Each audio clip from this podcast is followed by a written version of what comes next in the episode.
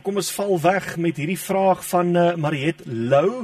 Sy sê of sy vra 'n papegaai, hoe goed kan hulle ruik? Want my African Grey uh het maandag baie opgewonde geraak toe ek oud smaak. Dis die eerste keer in 'n lang tyd dat hy so opgewonde raak. Hy kon nie wag vir sy bakkie pap nie.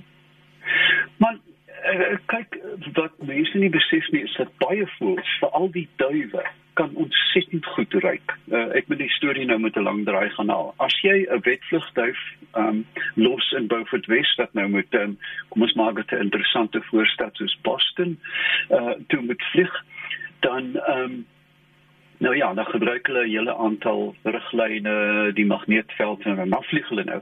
En dan voor hulle gaan sit, sirkel hulle om die hok want hulle kan nie gaan sit as hulle nie eers die hok geruik het nie. Ehm um, aasvoëls kan ruik. Ek weet nie van papegaaie nie wat ek wel van papegaaie weet, is dat hulle 'n ontsaglike behendige tong het, wel ook 'n baie oulike voet. Jy weet hoe hy daai grondvoetjie hmm. optel met die een voet en dan word die posisie van die vrug of die neut baie netjies in die bek bepaal met die tong, daai ronde vreemde tong. Ehm um, so ehm um, ek kan nie uit die of hulle ruik nie, maar dit sou my nie verbaas nie. Hulle het wel akute sug en dalk het hy 'n beheptheid met ehm um, havermout ehm um, in 'n vorige leeftyd. Jy weet, dis die inkarnasie van die papegaaie. Ehm um, maar ehm um, 'n mens sal dit uh, klinies moet bepaal deur byvoorbeeld die mucosa van die neus te verdoof en kyk of hy nog so opgewonde is. Maar mens wil dit nou nie aan jou troeteldier doen nie, jy weet, dan gaan jy die hashtag ehm um, dieremishandeling op jou hê. Hiersoos Dirk en hy vra, hoe is dit dat 'n kameelperd se ore so klein is in vergelyking met hoe groot dier dit is? As ons kyk na kudus en kwaggas en rooibok en wilde honde, hulle is uh so groot ore. Uh waarom sou 'n kameelperd in verhoudings klein ore hê? Yes, like hulle. Goed. Kom ons dink. Ehm um, diere se sintuie is deur evolusie. Nou gaan ek weer 'n klomp um, 'n klomp spervuur kry. Uh, maar kom ons aanvaar die darwinistiese uitgangspunt dat diere het optimaal ontwikkel om binne hulle habitat te funksioneer. Nou as jy 'n bakoorjakkals is wat blare eet, né? Nee, dan gaan jou ore nog steeds groot wees want jy's op die grond. Jy weet in enige onheil kan jou tref. En ek wil my byna verstout dat 'n mens 'n grafiek kan trek van die dier se kop, die afstand van die grond af na uh waar hy sou staan en rondkyk. Um 'n kameelperd het eenvoudig nie sulke groot ore nodig nie, want hy kyk bo die landskap uit. Tweedens het hulle 'n sagtelike goeie ontwikkelde reekste sintuig en ook gesig. Maar kudu lewe binne die sogenaamde kroondak. Jy weet met met ander woorde, hy lewe onder of of binne die kroondak hmm. van bome. En daarom kan hy nie so ver sien nie en moet en jy weet hoe 'n kudu se oor, dit is radar, jy weet hulle tas die hele tyd die lug af. Ek dink is 'n eenvoudige funksie van sy lang nek. Ons weet hy baie aangepas net sewe wervels, daar is een rigting klippe in die are dat ehm um, sy kop nie met dat hy nie met duiselig word van bloed uit die brein uitloop nie ensovoorts ensovoorts. Maar ek het 'n gevoel dat die uh, dit dit dit is 'n funksie van hoe ver hy van die grond af is dat die reeks ag die gehoorsintuig minder belangrik word in vergelyking met sy oë en sy neus. Ons bly vereers by kameelperde. Hierdie vraag kom van Barry in Zululand and hy sê I recently observed a gathering of giraffes around the body of a dead one showing distinct signs of mourning. Is this behavior normal? Uh, moet ek in Afrikaans of Engels antwoord? Ek dink in Afrikaans sal voldoende wees. Goed.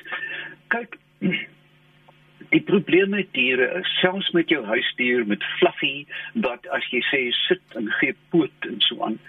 Ons kan nie vir hom sê is dit vir jou plesierig nie? Jy verstaan? Hmm. ons ons moet afleidings maak. En, en die die beste afleidings wat ons kan maak is by die groter diere en twee by name die groot ape wat ons weet 'n dooie baba vir soms meer as 'n week sal dra.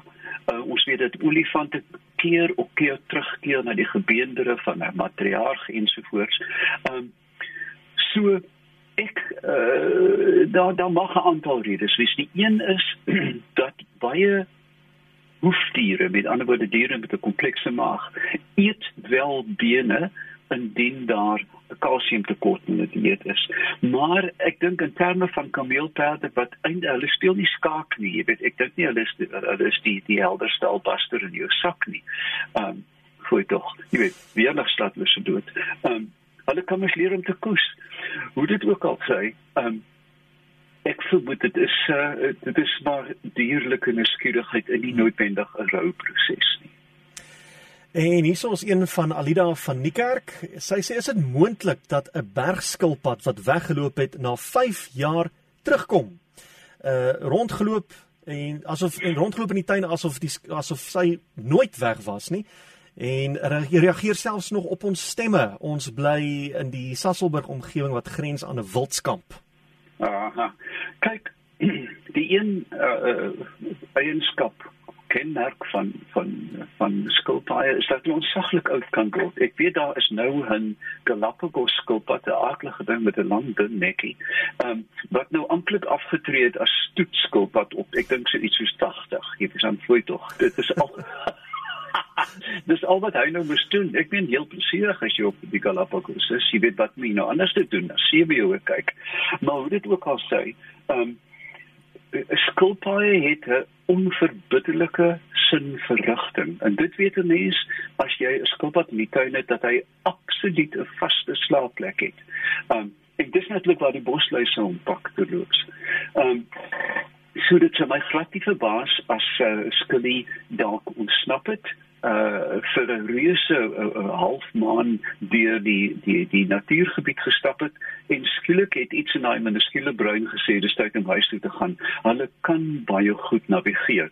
So die kombinasie van 'n lang leeftyd en 'n goeie navigasiesisteem verbaas dit my glas glad nie. Ons het lanklaas 'n mol vraag gehad. Hier is ons Kobus van Randfontein en hy wil weet hoe groot en swaar word 'n mol? Maar ek dink daar's verskillende tipes nie waar nie.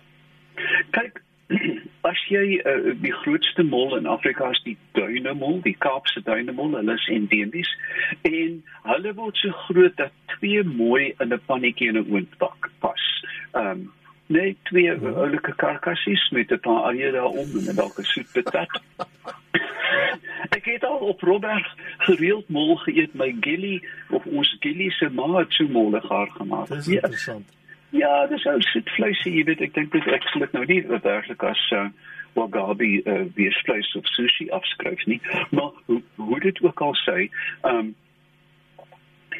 ek um, en dan word hulle so klein soos jou uh, die helfte van jou hand as jy kyk na die kruipmolle, dit is dit dan die, die hulle ehm um, word in twee groot groepe verdeel. Die een is die kruipmolle en die ander is die tankmolle. Met ander woorde, die wat hoop gestoot waar die kruipmolle die gangetjies.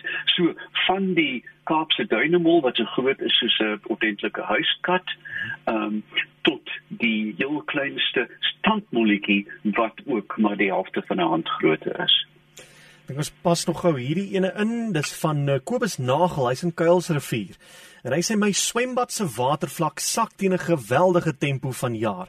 Is daar in hierdie stadium buitengewone verdamping wat plaasvind of uh, wat kan hier aan toegeskryf word as ons nou aanneem dat Kobus se swembad nie lek nie? Ja, ek dink ons moet dit aanvaar. Uh, daar is drie faktore wat natuurlik die verdamping beïnvloed. Die een is natuurlik die ambiente temperatuur wat natuurlik oorplaas na die water toe en ons weet vir 'n feit hoe warmer dit word, hoe meer is verdamping is daar. En dan as jy dit met wind kombineer, dit was besonder winderig ehm um, die afgelope tyd. Ehm um, so ek dink dat ehm um, Nou ja, en die ander ding wat 'n mens natuurlik moet kyk is na die relatiewe humiditeit. Met ander woorde die dampdruk, hoeveel water dan. En hy kan hy kan gerus uh, 'n klein eksperiment doen. Is 'n weather service het 'n baie jy weet ons inheemse weervoorsteller hmm. het 'n baie goeie ehm um, toepassing wat vir jou al die die windsnelheid ehm um, en die dampdruk en temperatuur gee. Miskien kan hy vir ons so oor 'n week uh, dit um, opneem. Ja en en en aan die water meet en ek kan hom byna waarborg dat hoe laer die dampdruk en hoe die wind, hoe vinniger gaan sy swembad leeg word. En dit is aan waar ons die streep moet trek. Dankie Dave en was lekker met jou gewees met jou te gesels vir die eerste keer in die nuwe jaar. Ons maak volgende week weer so as die lewe ons hou. Ah, Absoluut tot dan. Dankie. En jy kan ook sy webwerf gaan besoek davepeppler.com. Baie interessant en 'n mooi webwerf wat jy kan gaan besigtig. Jy kan selfs daar vra vra en hy's ook op Facebook. Soek hom maar net onder Dave Peppler.